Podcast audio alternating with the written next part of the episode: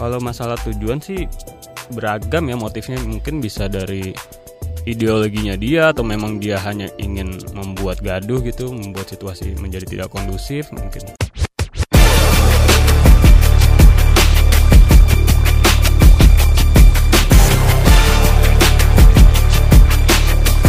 Cek fakta, cek fakta, cek fakta. Saya Waidia Angga di Cek Fakta dan kali ini bersama dengan Syarif Ramaputra. Anggota fact checker dari Masyarakat Anti Fitnah Indonesia atau Mafindo yang seperti biasa menemani kita ya untuk membedah ini isu-isu yang lagi hangat beredar di masyarakat. Apakah palsu atau benar informasinya?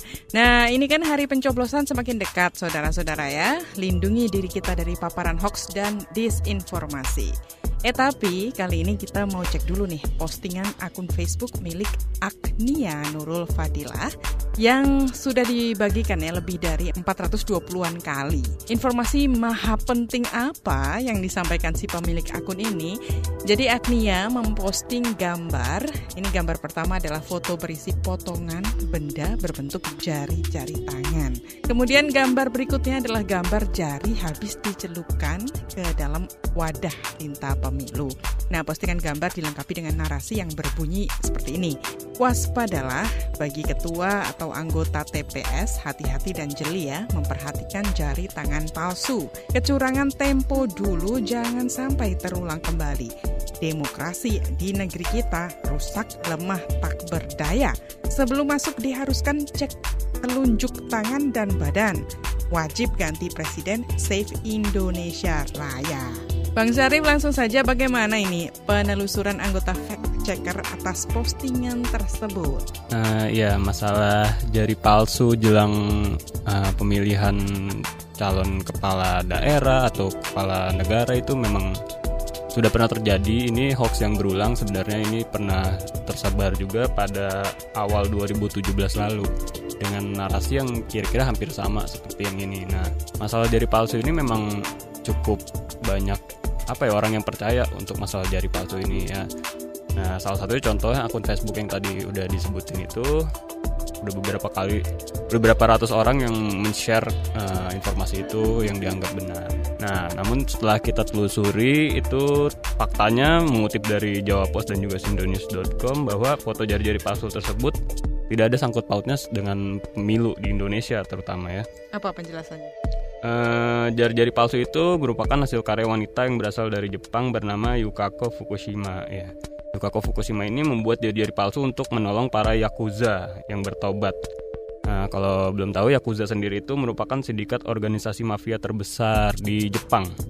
Dalam tradisinya yakuza di Jepang dikenal memotong jari kelingking bagi setiap anggota yang berbuat salah dan bos yakuza juga dikenal melakukan hal yang sama bagi mereka yang tidak membayar hutang. Jadi intinya jari-jari uh, palsu itu diperuntukkan untuk para yakuza yang keluar gitu untuk mencari pekerjaan mungkin. Nah untuk membantu para yakuza yang sudah tobat. Nah terus uh, foto jari yang dicelupkan pada botol tinta berlogo KPU itu sebenarnya foto pada artikel Tempo yang berjudul tinta pemilu buatan kuningan sesuai standar. Nah artikel itu pun dimuat oleh Tempo sudah lama ya itu pada 11 Februari 2014 silam. Hmm, Kalau melihat ini uh, berulang ya dan disebarkannya uh, di masa-masa sebelum pemilu. Uh, nah ini kalau anda melihat tujuan si pemilik akun nih kira-kira uh, apa begitu menyebarkan di waktu-waktu yang mendekati pemilihan umum ini? Kalau masalah tujuan sih beragam ya motifnya mungkin bisa dari ideologinya dia atau memang dia hanya ingin membuat gaduh gitu, membuat situasi menjadi tidak kondusif mungkin bisa jadi seperti seperti itu sih. Nah, mereka-mereka ini ingin membuat situasi itu nggak kondusif, jadi masyarakat juga jadi was-was gitu.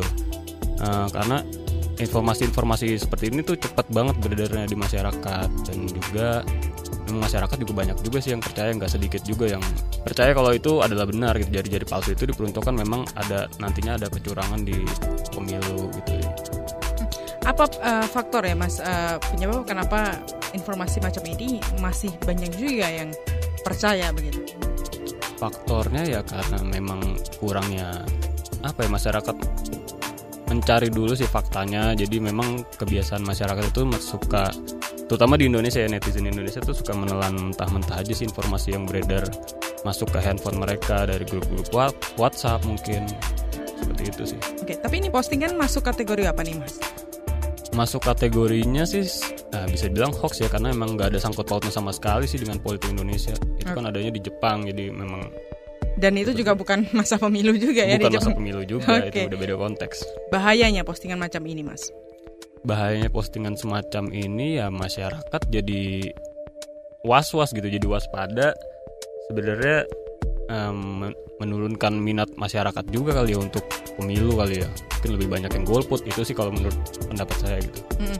Terakhir nih, bagaimana bisa meng-counter uh, hoax-hoax macam ini? ya buat masyarakat sih lebih peduli lagi lah apa namanya lebih bertabayun lagi jadi setiap menerima informasi yang belum tentu kebenarannya bisa dicek lagi sekarang kan ada smartphone jadi bisa googling googling dulu banyak media-media mainstream di situ yang kredibel mengangkat uh, tema-tema seperti ini membantah hoax-hoax seperti ini dan juga ada hukumannya untuk para penyebar hoax itu bisa kena pasal uh, Undang-Undang ITE pasal 28 ayat 1 dengan uh, ancaman penjara 6 tahun maksimal dan denda maksimal 1 miliar rupiah. Tuh, dengerin semuanya. Dan demikian ya, cek fakta kali ini eh, yang membahas soal jari tangan palsu di pemilu. Saya Waidia Angga dan Syarif Ramaputra pamit. Kita jumpa lagi episode mendatang. Cek fakta, cek fakta, cek fakta.